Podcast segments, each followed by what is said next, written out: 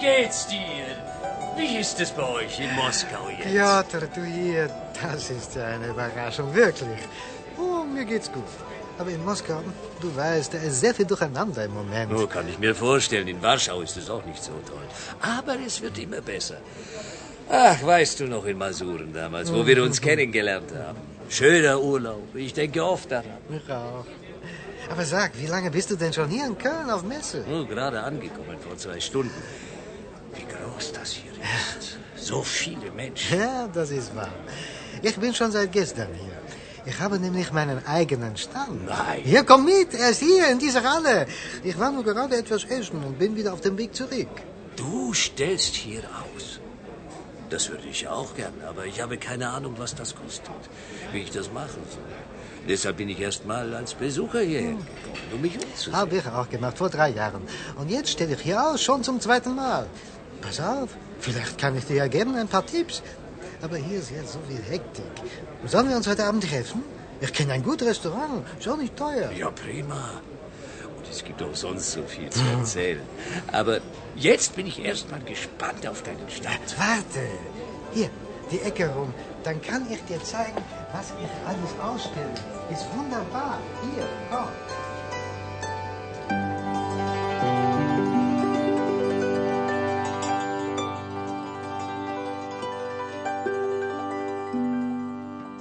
Messen sind Märkte.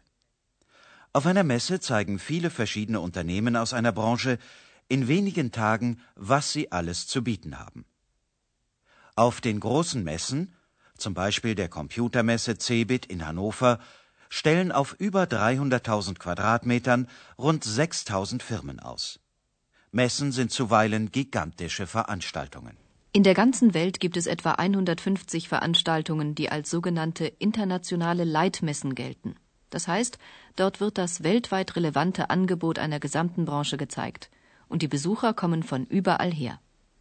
100 von diesen 150 Leitmessen finden in Deutschland statt. Damit ist Deutschland der internationale Messeplatz Nummer 1.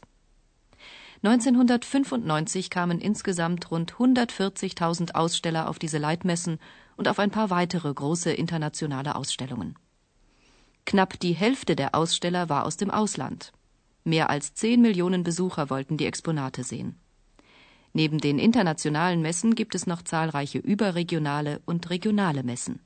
Alle regionalen, überregionalen und internationalen Messen erfasst in Deutschland der Ausstellungs- und Messeausschuss der deutschen Wirtschaft, kurz AUMA. Dem AUMA ist zudem daran gelegen, dass sich die verschiedenen Messen möglichst nicht überschneiden.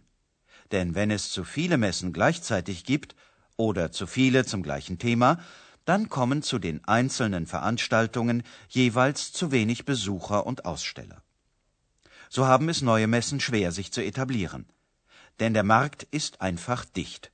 Zu allem und jedem gibt es mindestens eine Messe. Ein paar Beispiele. Einige Messetermine im Februar 1997.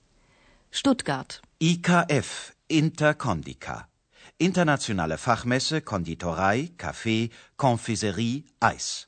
Düsseldorf, Igedo Dessous, Igedo Beach. Fachmesse für Wäsche, Mieder und Bademoden.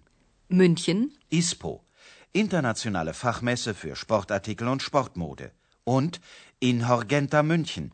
Internationale Fachmesse für Uhren, Schmuck, Edelsteine, Perlen und Silberwaren mit zugehörigen Fertigungs- und Betriebseinrichtungen. Stuttgart, R&T. Internationale Fachmesse Rollladen, Tore und Sonnenschutz. Frankfurt-Main, Ambiente. Internationale Frankfurter Messe, Tischkultur und Küche, Wohn- und Lichtkonzepte, Geschenkideen. Außerdem Musikmesse, Pro Light and Sound.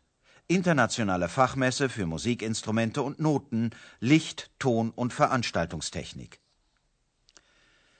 Bei so vielen Messen ist es schwer, den Durchblick zu behalten. Deshalb veröffentlicht der AUMA ganz genaue Statistiken über sämtliche Messen in Deutschland. Wie viele Aussteller und Besucher es gab, woher sie kamen, welche Stellung sie im Unternehmen hatten und wie lange sie auf der Messe blieben. Das soll es dem Unternehmer erleichtern, die für ihn passende Veranstaltung auszuwählen. Und das ist wichtig, denn die Beteiligung an einer Messe hilft den Unternehmen, marktfähig zu bleiben oder zu werden. Das gilt auch und gerade für Unternehmen aus Mittel- und Osteuropa. Dr. Peter Neven, einer der AUMA Geschäftsführer. Also zunächst einmal alle Unternehmen, die sich in einer Umbruchphase befinden, das ist, gilt eben für ganz Osteuropa. Für die ist es einfach wichtig zu sehen, wie Marktwirtschaft funktioniert. Dass Waren angeboten werden, dass Waren besprochen werden können, dass der Entwickler, der Produzent am Messestand die Gelegenheit hat, in der Diskussion mit dem Besucher sich weiterzuentwickeln. Messen sind auch immer ein Stück weit Marktforschung, Akzeptanztest. Ich kann hier meine Ware der öffentlichen Diskussion ausstellen und aussetzen. So haben Unternehmen auf einer Messe die Möglichkeit, in kurzer Zeit mit sehr vielen potenziellen Kunden Kontakt zu bekommen. Das setzt voraus, dass der Stand attraktiv ist, dass er zum Verweilen einlädt und dass auch die Produkte fremdsprachig ausgezeichnet sind, die Funktionsbeschreibungen in fremder Sprache vorliegen müssen und auch entsprechend die Prospekte. Dass die Standbetreuer zumindest der deutschen oder englischen Sprache mächtig sein müssen. Das heißt, es reicht nicht aus, mit einem Produkt nach Deutschland zu kommen, auf einer Messe zu zeigen, sondern es ist eine intensive Vorbereitung erforderlich. Messen äh, sind Ereignisse, die man nicht dem Zufall überlassen kann.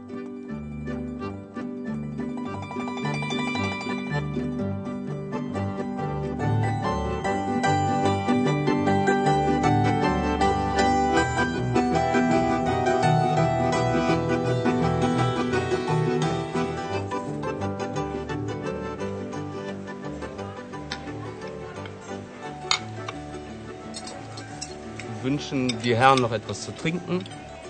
Vielleicht später. Im Moment nicht. Jawohl, Danke. meine Herren. Das war wirklich lecker. Aber mein Bauch ist so voll. Kein Wunder. Schweinshaxe ist ja nicht gerade eine leichte Kost. Tja, ja, ja, ja. Jetzt haben wir so viel von alten Zeiten erzählt. Und ich freue mich, dass es dir so gut geht mit deinem Geschäft. Danke. Und gerade auch die Messe hier läuft sehr gut. Ich habe schon viele Kontakte geknüpft und auch konkret Aufträge bekommen. Dabei hat mir auch sehr geholfen, dass ich auch schon vorher Kunden eingeladen habe, meinen Stand auf der Messe zu besuchen. Na ja, schön und gut. Aber das ist doch alles viel Arbeit und so teuer. Entweder vorher nach Deutschland zu kommen und alles zu planen. Oder vielleicht geht es ja auch am Telefon. Aber dann muss ich stundenlang mit. Deutschland telefonieren, um einen Platz zu mieten. Nein, überhaupt nicht. Du kannst alles von Warschau aus machen. Das ist so. Jede große Messegesellschaft hat überall auf der Welt Vertretungen. In meinem Fall, also hier in Köln, hat die Messe ein Vertretungsbüro in Moskau. In Moskau? Ja, und so konnte ich alles von zu Hause aus erledigen.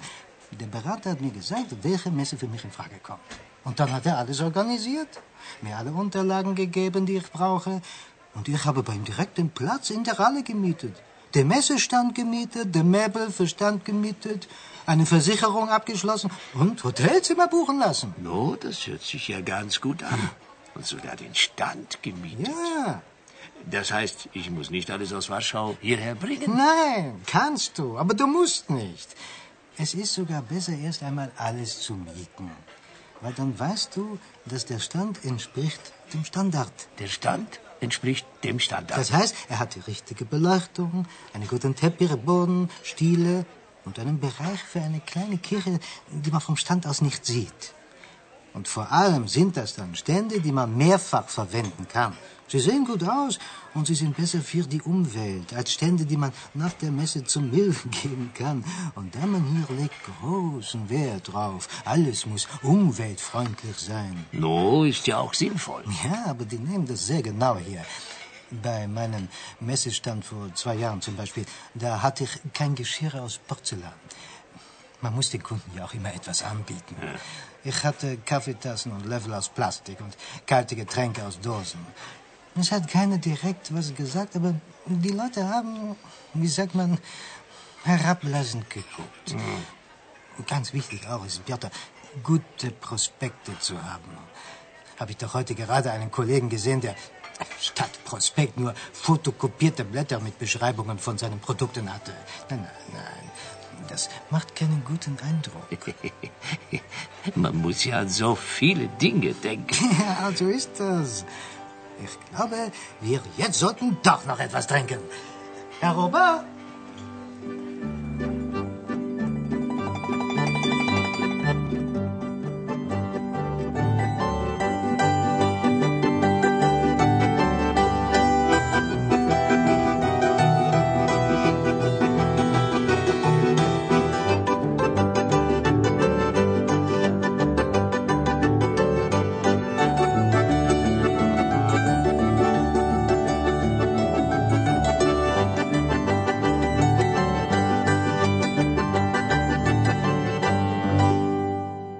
Immer mehr Unternehmen aus den GUS-Staaten, aus der Tschechischen Republik, aus Polen und Ungarn stellen auf deutschen Messen aus. 1995 kamen 5,4 Prozent aller ausländischen Aussteller aus Mittel- und Osteuropa. 1990, also fünf Jahre zuvor, waren es gerade mal 2,1 Prozent gewesen. Besonders günstig für osteuropäische Unternehmen sind Messen, zu denen viele ausländische Besucher kommen. Denn dort haben osteuropäische Aussteller die Gelegenheit, auch mit nichtdeutschen Firmen zu sprechen. Dazu Peter Neven. Wir reden immer vom Drittländergeschäft. Das heißt, der osteuropäische Aussteller hat eine echte Chance, auf einer deutschen Messe andere osteuropäische Partner zu finden. Und das klingt kurios, aber es treffen sich eben auch hier auf deutschen Messen osteuropäische Aussteller mit osteuropäischen Besuchern. Hier sind nachweislich auf deutschen Messen Kontakte zustande gekommen zwischen osteuropäischen Partnern, die in osteuropäischen Veranstaltungen nicht angebahnt werden konnten. Unternehmer haben viele Möglichkeiten, sich über deutsche Messen zu informieren. So hat der AUMA vor ein paar Jahren zusammen mit dem Bundeswirtschaftsministerium Seminare in Osteuropa organisiert, auf denen er das Messewesen in Deutschland vorstellte. Der AUMA gibt zudem eine Broschüre zum Thema erfolgreiche Messebeteiligung heraus. Als Ansprechpartner dienen auch die deutschen Auslandshandelskammern. Dort sind manchmal auch die offiziellen Vertretungen der deutschen Messegesellschaften angesiedelt. Viele große deutsche Messen haben aber eigenständige Vertretungen im Ausland. Einer dieser Vertreter ist Andrei Katuszewski in Moskau. Er vertritt die Kölner Messe- und Ausstellungsgesellschaft, die zu den größten Messeveranstaltern in Deutschland zählt. Katurschewski weiß, dass viele Firmen am Anfang Schwierigkeiten auf deutschen Messen haben. Es gibt eigentlich heute in Russland keine Messekultur. Das ist äh, etwas problematisch. Man muss immer für jeden Aussteller erklären, dass äh, Firma muss mitnehmen mehrere Visitenkarten, Prospekten in Englisch oder Deutsch denn man muss ein Journal ausfüllen, wie viele Besucher, was für die Besucher an den Stand waren und so diese, diese normale Dinge, die für äh, jede andere äh, westliche Firma ganz klar ist, muss man für die russische Unternehmen erklären. Was Katurschewski auch immer erklären muss, das sind die Kosten für eine Messebeteiligung. Die Standmieten betragen auf einer großen Messe mindestens 200 Mark pro Quadratmeter und ein Stand sollte mindestens 10 Quadratmeter groß sein. Eigentlich sozusagen, wir können rechnen, 2000 D-Mark äh, Stand, eineinhalbtausend pro Person, äh, dann, äh, wenn zwei Personen, ist 5000 D-Mark und dann Werbungsmaterial, also etwa 6000 äh, D-Mark. Aber das kann man noch reduzieren, zum Beispiel eine äh, Hotel im Vorort der Stadt mieten. Aber da kann man auch ganz schnell noch viel mehr bezahlen. 10.000 Mark für eine kleine Firma mit einem 15 Quadratmeter großen Stand, 50.000 für ein mittelständisches Unternehmen mit einem 50 Quadratmeter großen Stand. Und Konzerne mit Ständen ab 250 Quadratmetern, Multimedia-Präsentationen und Showprogrammen am Stand zahlen leicht mehrere hunderttausend Mark. Da sehen manche osteuropäische Unternehmen gar nicht ein, warum sie neben so viel Konkurrenz auf einer Messe ausstellen sollen. So hatte Andrei Katuszewski Probleme, russische Hersteller von Parkettböden für die Holz- und Möbelmesse Interzum zu gewinnen. Wir haben mit mehreren Firmen gesprochen, nehmen Sie teil an der Interzum, das ist ein richtiger Weltmarkt für Ihre Produktion. Sie sagen, nein, das interessiert uns überhaupt nicht. Unser ganzes Parkett kauft eine spanische Firma und ist es alles okay, wir brauchen keine Teilnahme an der Messe. Ich verwundere mich immer. Auch jedes westliche Unternehmen würde sich über so eine Einstellung wundern. Denn eine Firma muss nicht nur ihre vorhandenen Produkte verkaufen, sondern auch expandieren, um gute Gewinne zu machen. Ohne eine kontinuierliche Ausweitung des Geschäfts kann nur wenig investiert werden. Es können nicht mal neue Maschinen angeschafft werden, wenn die alten kaputt gehen. Und Messen bieten nun einmal die Gelegenheit, neue Kunden zu finden. Das sehen mittlerweile auch die meisten Unternehmen aus früheren Planwirtschaften ein.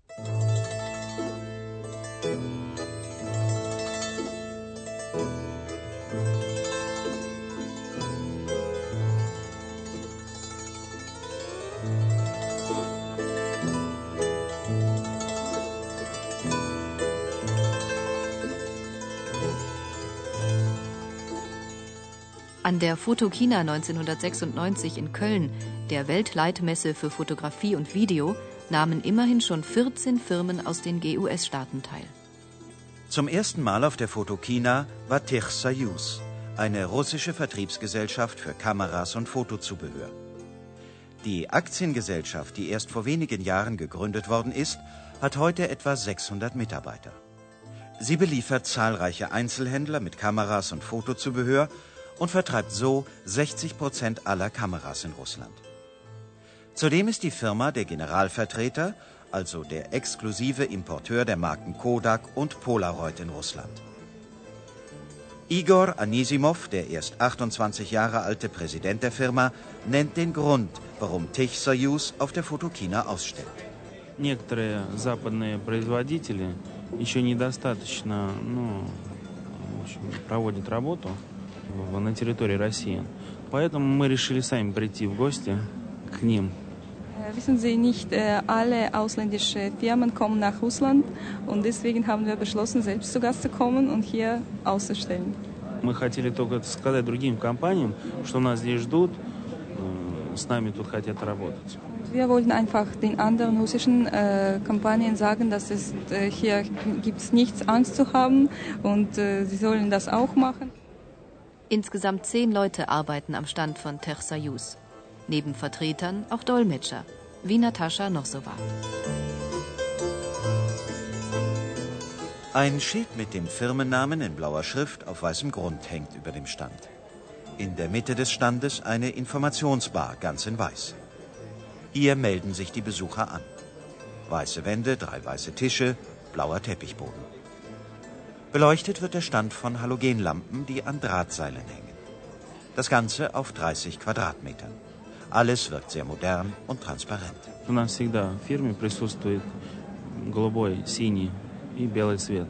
Вот это фирменные цвета, и все выставочные Stände обычно оформляются в этих тонах. Die Farben unserer Firma sind blau und weiß und deswegen haben wir beschlossen, auch an der Messe alle Werbung im Weiß und Blau zu machen. Sogar auch den Boden, die Wände und so weiter. Die Firmenfarben finden sich also auf dem Stand wieder. Solche Dinge sind wichtig, denn sie helfen, die Firma sofort zu erkennen. Organisiert hat Tersayus den Messeauftritt von Moskau aus. Und dabei hat Andrei Katuszewski geholfen. Нам очень тяжело ориентироваться здесь, вот, так как это первый раз. Но вот большую пользу оказал для нас Андрей. Es ist sehr schwer für uns, hier sich zu orientieren, weil wir hier zum ersten Mal sind und deswegen hat uns Herr Kataschewski geholfen. Такая четкая организация здесь, в Кёльне, что вы можете по телефону из Москвы сделать то, что вам необходимо. То есть здесь есть все службы рекламные. То есть нет такой вещи, чтобы здесь не могли сделать. Sehr hat uns ähm, die Organisation gefallen. Wir brauchten sogar nichts nach Köln zu kommen. Also wir könnten alles per Telefon machen. Also es gab keine großen Probleme, den Stand zu bauen zum Beispiel oder andere.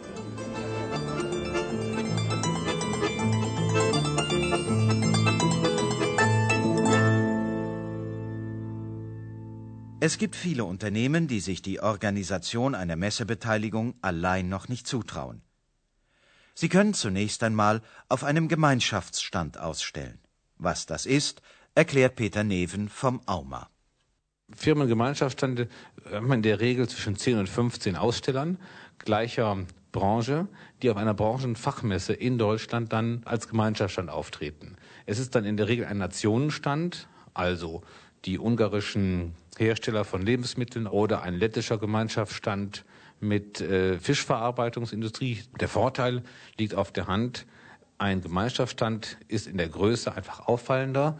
Es lässt sich leichter Werbung für einen Gemeinschaftsstand machen. Außerdem gibt es für Gemeinschaftsstände finanzielle Hilfen aus Deutschland. Zum Beispiel über die Firma ProTrade. ProTrade gehört zur bundeseigenen Gesellschaft für technische Zusammenarbeit und fördert im Auftrag des Bundeswirtschaftsministeriums unter anderem die Beteiligung von kleinen und mittelständischen Unternehmen aus den osteuropäischen Reformländern an deutschen Messen. ProTrade berät die Firmen und übernimmt die Kosten für Standmiete und Bau, Werbung und den Transport der Ausstellungsgüter nach Deutschland. 1996 wurden so die Messebeteiligungen von über 400 Unternehmen gefördert. Jedes Jahr stehen zu diesem Zweck rund drei Millionen Mark zur Verfügung. Gefördert wird nur die Beteiligung an bestimmten Messen. Darunter ist auch eine ganz besondere, nämlich die Importmesse Berlin, wie sie früher hieß. Sie gilt seit über 30 Jahren als ein wichtiger Handelsplatz für Entwicklungsländer und in den letzten Jahren auch für die Unternehmen aus den Reformstaaten Mittel- und Osteuropas. Die Importmesse ist fachlich nicht so strikt abgegrenzt wie die anderen deutschen Messen. Firmen aus den Branchen Bekleidung, Heimtextilien, Lederwaren, Geschenkartikel und Wohnaccessoires zeigten hier bislang ihre Exportgüter. Seit 1997 stellen auf dieser Messe aber nur noch Unternehmen aus der Textilbranche aus. Die Messe heißt nun nicht mehr Importmesse Berlin, sondern Berliner Messe Partner des Fortschritts. Denn gerade für die Anbieter von Textilien ist diese spezielle Messe besonders interessant. Der Grund? Textilien können nicht unbegrenzt in die Länder der Europäischen Union, also auch nicht nach Deutschland eingeführt werden. Es gibt bestimmte Einfuhrkontingente. Für die Importmesse Berlin bzw. die Berliner Messe Partner des Fortschritts gibt es aber zusätzliche Einfuhrkontingente. Und dies macht die Messe für Importeure natürlich besonders attraktiv. 1996 kamen etwa 700 Aussteller aus 72 Ländern und fast 40.000 Menschen besuchten die Importmesse am Berliner Funkturm.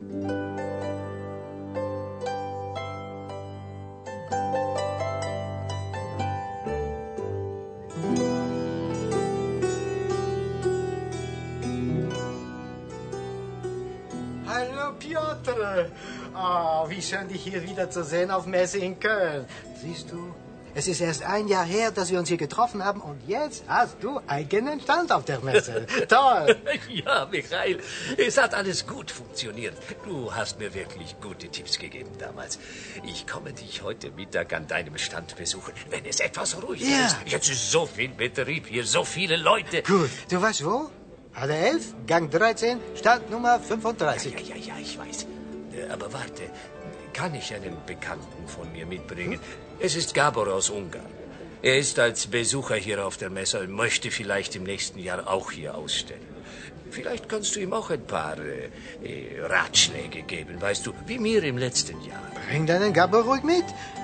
Und nicht vergessen, Stand 35 in Halle 11, Gang 13.